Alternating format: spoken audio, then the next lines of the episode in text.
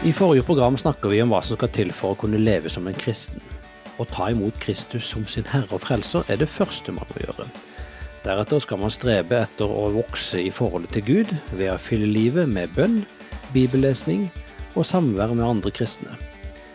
Men hva dersom man gjør alt dette og fortsatt føler at det er liksom noe som mangler? Hva om du føler det som denne mannen som til tross alt for at han var involvert i kristent arbeid på heltid, skrev som følger. Jeg husker godt at det brått en kveld gikk opp for meg at jeg ikke kunne få til det kristenlivet Gud har tiltenkt meg, dersom jeg fortsatte på det sporet jeg var i. Jeg hadde repeat-knappen på, og ba stadig om at Gud skulle endre meg. Endre min tenkemåte, endre mine følelser, og endre hvordan jeg oppførte meg. Desto mer jeg strevde og prøvde å være gudfryktig, desto mer mislykka følte jeg meg. Dette skrev altså en mann som merka at han mangla noe, men hva var det egentlig som mangla? Velkommen til Troens menn. Mitt navn er Harald Endresen, og sammen med meg her i studio er Alf Halvorsen. Og um, denne mannens kristenliv ble forvandlet den kvelden han innså at han ikke behøvde å streve og strebe, men at han kun gjennom Guds hellige ånd har mulighet til å leve et kristenliv som bærer frukt. I dag skal vi snakke om viktigheten av Den hellige ånd her i Troens menn.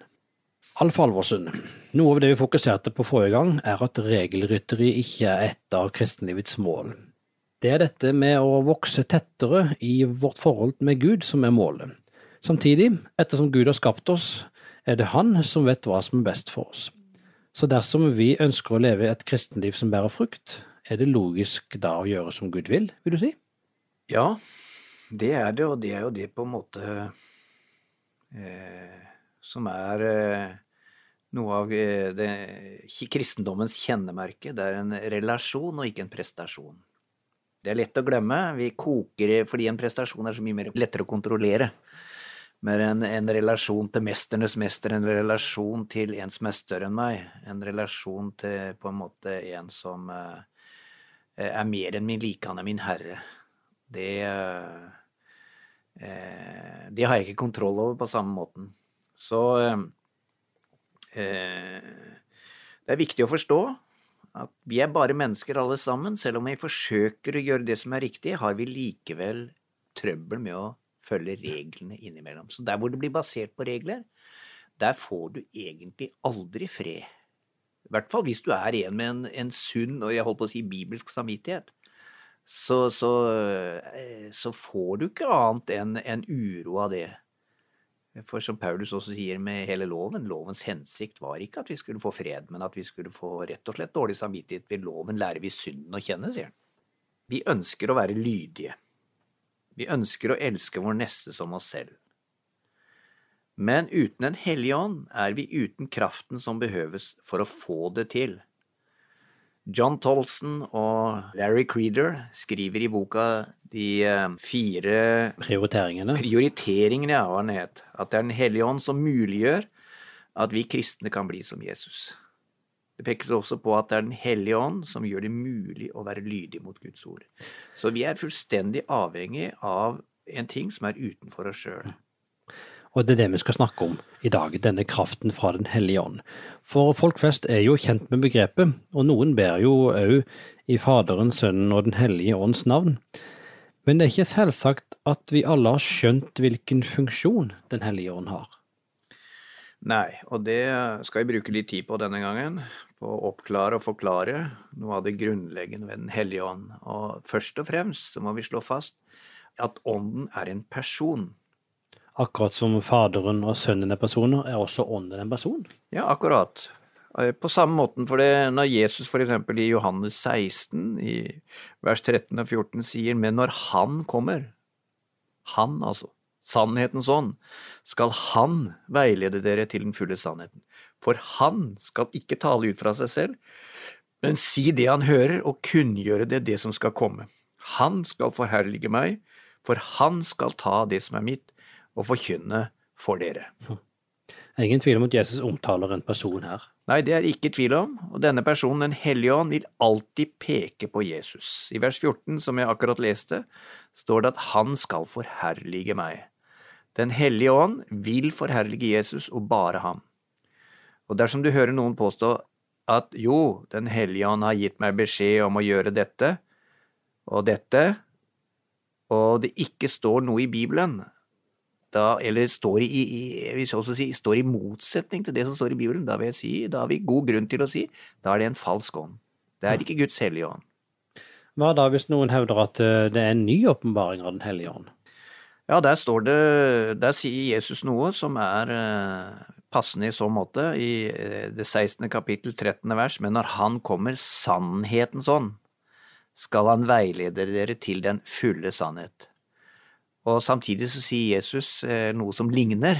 Han sier, Jeg er veien, sannheten og livet. Så Jesus er sannheten. Det som da sannhetens ånd først og fremst forklarer, det er Jesus. Og går det utover det, kommer det ting som strir imot Guds ord, så er det jo ikke eh, den ånden. Derfor skriver Paulus i Galaterbrevet, eh, og egentlig ganske tydelig, han sier, men om vi selv, sier han i 1,8 i Galaterbrevet, ja, om en engel fra himmelen skulle forkynne et annet evangelium enn det vi har forkynt, så skal han være, det står faktisk, forbannet. Og det er den eneste plassen i Bibelen eller i Nytestamentet, som et så sterkt uttrykk brukes. Eh, to ganger sier Paulus det der i eh, Galaterbrevet 1. Så vi altså husker det. Et kjennetegn, en indikator på Den hellige ånd, er at han peker på Jesus. Mm.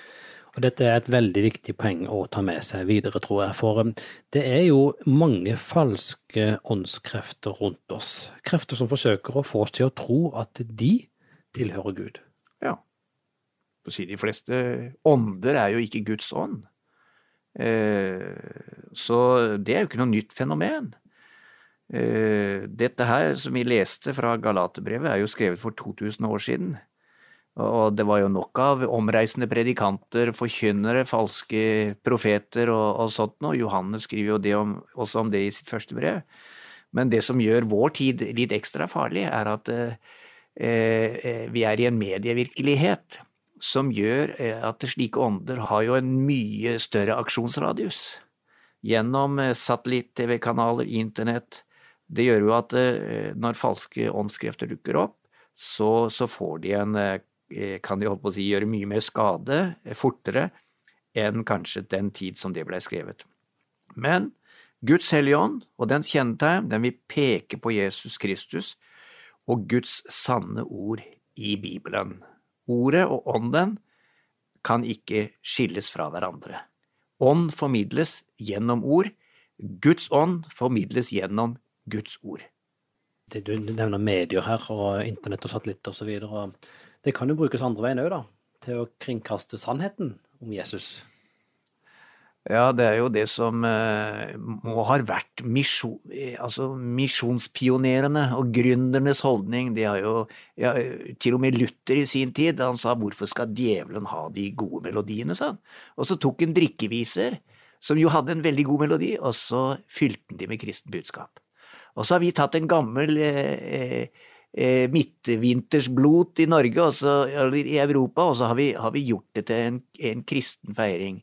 Så, så vi er kalt å erobre slike ting. Vi skal ikke være redde. Så medier er jo en kjempeanledning til å spre sannheten. Så her skal vi være offensive og, og, og positive. Ja, det er en balanse, og det er muligheter i alle fall. Hva er det neste elementet du vil trekke fram som vi bør vite om Den hellige ånd? Ja, det er en ting som er veldig viktig, fordi ånd, det sier seg sjøl, han var som en ånd, sier jo det, det, det, vil si at det var noe umerkelig, det var noe uh, ukonkret abstrakt. Det er jo noe med ånd at vi kan ikke så lett gripe det. Eh, eh, vinden blåser dit den vil, sier Jesus, du vet ikke hvor den kommer fra. Men du kan merke konsekvensen av det, men du kan ikke se ånden, du kan ikke se vinden, men du ser bladene som rører seg. Så du ser altså konsekvensen av at vinden er der. Og eh, det som er viktig for oss å vite, at Bibelen slår fast at den som har tatt imot Jesus som sin Herre og Frelser, har allerede Den hellige ånd. Efeserbrevet 1 er jo et fantastisk kapittel. Vers 13 sier det slik. I ham er også dere kommet til tro, da dere hørte sannhetens ord, evangeliet om deres frelse. Tenk merke til hvordan eh, eh, troen og ordet henger sammen her. I ham er dere blitt merket med et seil. Den hellige ånd som var lovt. Altså, seilet er jo da eh, bekreftelsen som vi får på at vi eier noe mer. I ventetiden så har vi det. Så det er den første frukt av den kommende høst. Det er Den hellige ånd, og den har vi. Men spørsmålet og utfordringen er om vi lar ham få lov til å virke i livene våre. Så Harald, kan du lese på ny det sitatet som du åpnet programmet med, for det understreker akkurat dette poenget. Ja, det skal jeg gjøre. Jeg husker godt at det brått en kveld gikk opp for meg at jeg ikke kan få til det kristenlivet Gud har tiltenkt meg, dersom jeg fortsetter på det sporet jeg var i. Jeg hadde repeat-knappen på og ba stadig om at Gud skulle endre meg.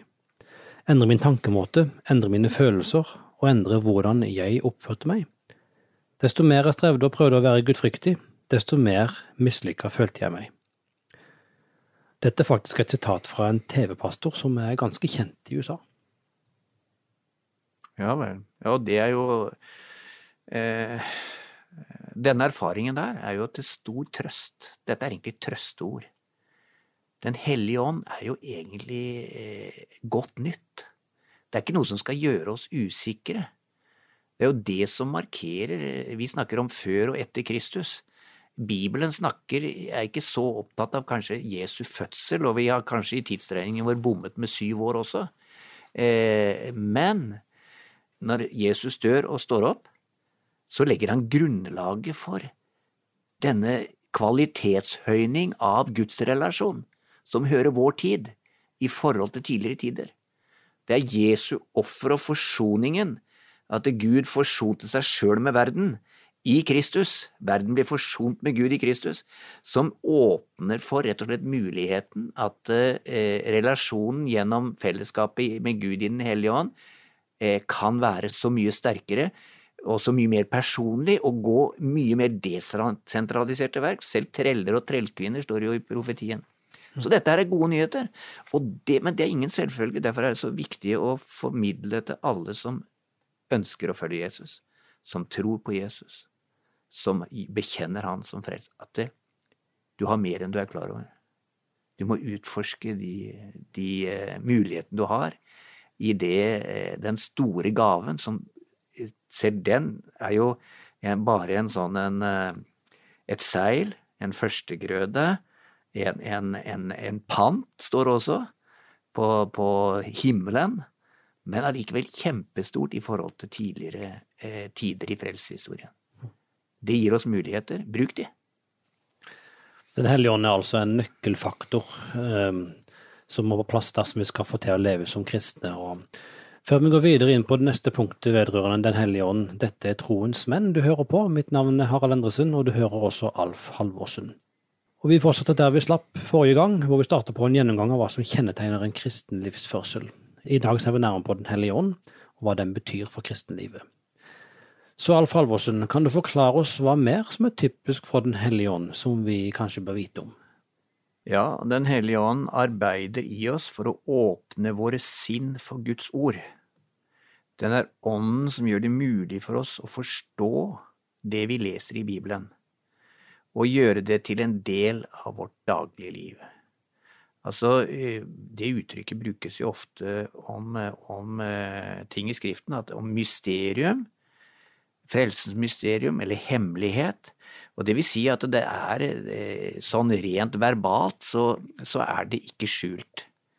Men å erkjenne det, og forstå det, og ikke minst applisere det på sitt eget liv og tro det for sin egen del, det er der Den hellige ånd kommer inn som en nødvendighet for at uh, dette skal bli mitt, og for at jeg skal forstå det på den måten. Så det er Ånden som gjør det mulig for oss å forstå det, og Jesus sier jo det i Johannes 14, 26, talsmannen, sier han. Legg merke til uttrykket talsmannen. Den hellige ånd som Faderne skal sende i mitt navn, han skal lære dere alt og minne dere om alt jeg har sagt dere. Da er det kanskje ikke så rart at eh, folk som ikke er kristne, ofte sier at Bibelen er vanskelig å forstå? Ja, det er det. Den er eh, Sånn ytre sett så er den vanskelig å forstå, og faktisk er den sånn at vi uten, uten Helligånds hjelp så, så, kan vi ikke forstå den. Så det er Den hellige ånd som åpner Bibelen for oss. Og Den hellige ånd hjelper oss å forstå og ta i bruk det vi leser. Han rett og slett eh, gjør Guds ord til virkelighet. Og ting som vi før syntes var kjedelige eller lite relevante, ja, kanskje til og med ting som fremsto som tullete, virker plutselig logisk og inspirerende og fungerer som en rettesnor for oss. Så når Salme 34 sier smak og se at Herren er god, så eh, sier det litt om Den hellige ånds funksjon. Han, det er Den hellige ånd som gjør dette mulig. At vi ser at Gud er god, at vi rett og slett får smaken på hvem han er. Jeg syns dette her er mye allerede, men, men det er enda mer? Ja, eh, den vil stadig minne oss om det vi har lest og lært. Eh, for eksempel en mann som sliter med selvgodhet. Han vil kanskje bli påminnet av Den hellige ånd. Det tror jeg vi har merka alle. Altså, for min vedkommende også, eh, det er jo i stille stunder, når jeg gjør stillhet for Gud, og jeg bør ikke nødvendigvis lese direkte ordet, men jeg merker at Den hellige ånd minner meg på ord, og tar de og appliserer de konkret inn på livet mitt. Og ikke minst, her var det snakk om selvgodhet. Det er én ting. Altså, som han sa, Rick Warren i en av sine kjente seminarer, denne kjente pastoren, han, hans seminar heter Preaching for Life Change, altså hovedproduktet i Guds menighet, og hovedproduktet i den atmosfære som er preget av Den hellige ånd, det er livsforvandling. Sånn at det er folk som er sjølgode, blir mindre sjølgode i møte med en åndsforklaret, eh, selvoppofrende Jesus Kristus. Eller en mann som står overfor et valg mellom rett og galt. Og da er den åndens veiledning, fordi, men når han veileder, så tar han ofte tak i de rette ordene og minner oss på det. Sånn at de to tinga jobber sammen. Konsekvenser som Satan og den verslige verden har en tendens til å overse, kanskje? Ja. Eh, de har ofte ikke Vi har ikke øynene for det som kalles åndskamp i våre dager. Vi har en tendens til å sosialisere eller psykologisere for å forklare veldig mye av ting. Og, og psykologien forklarer en del. Og, og, og, si, det sosiale forklarer en del. Men ofte så mister vi én viktig dimensjon, og det er åndsdimensjonen. Noen vil jo hevde at det er samvittigheten som styrer oss, eh, men eh, den er ingen sikker indikator. Samvittigheten kan du, kan du manipulere, og den kan variere veldig fra, fra mann til mann. Og samvittigheten kan nok bli påvirket av omstendigheter, vår eget begjær, ønsker og følelser. Det gjør den.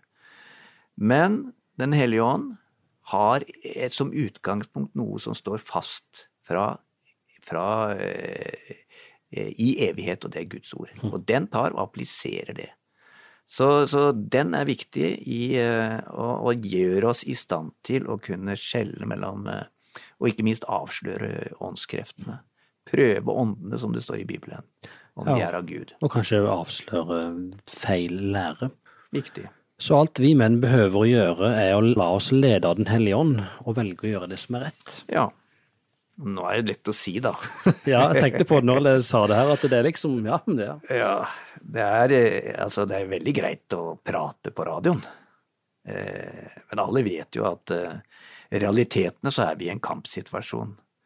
Men, så det, vi skal ikke hykle, men jeg syns ordet i Rombrevet 7 fra Paulus hvor han eh, er nokså selverkjennende når han sier det gode som jeg vil, det gjør jeg ikke, og det onde som jeg ikke vil, det gjør jeg. Det er vanskelig å adlyde. Eh, og derfor så er eh, trenger vi Den hellige ånd til å rettlede oss og vise oss hva som er riktig. Og Et perspektiv som også er viktig, Harald, det er at Den hellige ånd ber for oss. Den hellige ånd er aktiv. Det er en person som er, som er dypt engasjert i våre liv, i å føre oss fram. Det er disse versene fra Romerbrevet 8, vers 26 og 27, hvor Paulus, altså, som jo kjente på, som han skrev i det syvende kapittel, hvor, hvordan han eh, hadde en natur som stridde imot dette. Så sier han på samme måte, sier han, kommer også Ånden oss til hjelp i vår svakhet. For vi vet ikke hva vi skal be om for å be rett, men Ånden selv går i forbønn for oss med sukk som ikke kan uttrykkes i ord. Og Gud som gransker hjertene, vet hva Ånden vil, For det Ånden ber om for de hellige, er etter Guds vilje. Noen snakker jo om at eh, ja, de som har fått tungetale som nådegave, de har fått lyd på disse åndens sukk som, eh, som Gud har lagt i all, vår alles hjerter. Så enten eh, en har tungetale eller ikke, så hører Gud åndens sukk og forbønn for oss. Jeg syns dette ordet sukk er så spesielt, for et sukk er jo på en måte en sånn Altså, du, mm. du siger litt sammen, og du, du har ikke ord. Nei. Det er egentlig ikke ord. Nei, det er veldig, et veldig godt uttrykk. Det, det sier mye ja. uten ord. Så det er en ånd. så det er ikke alltid vi kanskje trenger så mange ord for å uttrykke vår frustrasjon til Gud eller vår Nei. nød. Nei, det er ikke det. Sånn at eh, ånden taler til ånd også uten ord. Men vi har fått ord for å kontrollere og sjekke mm. åndene. Veldig godt sagt, Alf Halvorsen. Jesus beskriver Den hellige ånd som en hjelper, og det er kanskje òg en god sammenligning? Ja, det uttrykket som brukes ofte er jo talsmann. En talsperson. Parakleten, sier vi etter det greske etter greske ordet for det. Vi? Du mener som teologer og sånn? Å oh, ja, ja, riktig. ja, det er sant. Ja, vi er jo alle teologer, da. Ja. Den som rett kan skjelne mellom lov og evangelium, sier Luther, han er teolog. Enten han har embetseksamen eller ikke. Mm. Så, så, men eh, mange kjenner til det, i hvert fall. Eh, og eh, han er en talsmann, og det er eh, trøsteren også, står det noen ganger oversatt. Og det er et veldig viktig aspekt. For det er ikke en pekefinger, først og fremst, men det er en, eh, en, en hjelper. Det er det som ligger i det. Og det, det, det sier at Den hellige ånd reflekterer Jesu væremåte i kristne menns liv. Kapittel fem i Galaterbrevet, der står det om åndens frukter, og det korresponderer jo også med de egenskaper som vi finner hos Jesus. Det er mennesker som er sammen med Jesus, som formes av Han med Den hellige ånds hjelp, og som det får praktiske konsekvenser for livet deres. Det produserer noe. Så, så Den hellige ånd jobber for å gjøre Jesu egenskaper eh, til en del av våre liv. Ja, og det fører meg jo litt tilbake til det sitatet som vi har lest fra den amerikanske pastoren. Han hadde allerede Den hellige ånds kraft i seg, men han hadde ikke skjønt det. Ja. Eh, du har kanskje hørt om den fattige husbonden det fortelles nemlig om en familiefar som jobbet og sleit i årevis på åkeren sin. Dette høres ut som det er i Amerika, og klarte så vidt der på åkeren å produsere nok mat til å livnære familien sin. En dag kom en mann fra et oljefirma som ønsket å foreta prøveboring etter olje fordi de mente kanskje var litt olje å finne der. Oljefirmaet tok derimot feil. Det var mye olje, det var ikke bare litt under den fattige mannens åker. Over natta var mannen og familien søkkrike. Men det triste var jo at mannen hadde vært der i lang tid uten å vite om det. Og det er et godt bilde på at vi, vi er Jeg tenker på den sangen som er en klassisk bedehussang, som, som, på en måte hvor Lina Sandel eh, uttrykker det samme. O Jesus, åpne du mitt øye uten hjelp fra noe oljeselskap. At jeg må se hvor rik jeg er. Det er eh, et viktig element, og den rikdommen ligger i Den hellige ånds gave som vi har fått. Alf Alvorsen, nå vet våre lyttere i alle fall dette om Den hellige ånd, og jeg håper jo at det vil vandre i kraft av Guds hellige ånd resten av livet. For der har vi en evig rikdom som aldri tar slutt. Olja tar slutt, men det gjør ikke Den hellige ånd. Takk skal du ha, Alf Alvorsen. Vi er straks tilbake. Takk for at du hører på Troens menn, hvor menn utrustes og styrkes til å oppnå deres gudgitte potensial. I dag har vi gjennomgått noen steg som kan hjelpe oss til å leve som kristne menn, og dette programmet er basert på kapittel fire i boka De fire prioriteringer av John Tolson og Larry Crider. Du leser mer om eh, boka og programmene på troensmenn.no. Og Troens menn er den norske utgaven av TVRs eh, verdensomspennende mannsarbeid som kalles for Champions Arise. Må Gud forme det til den mannen han vet du kan bli.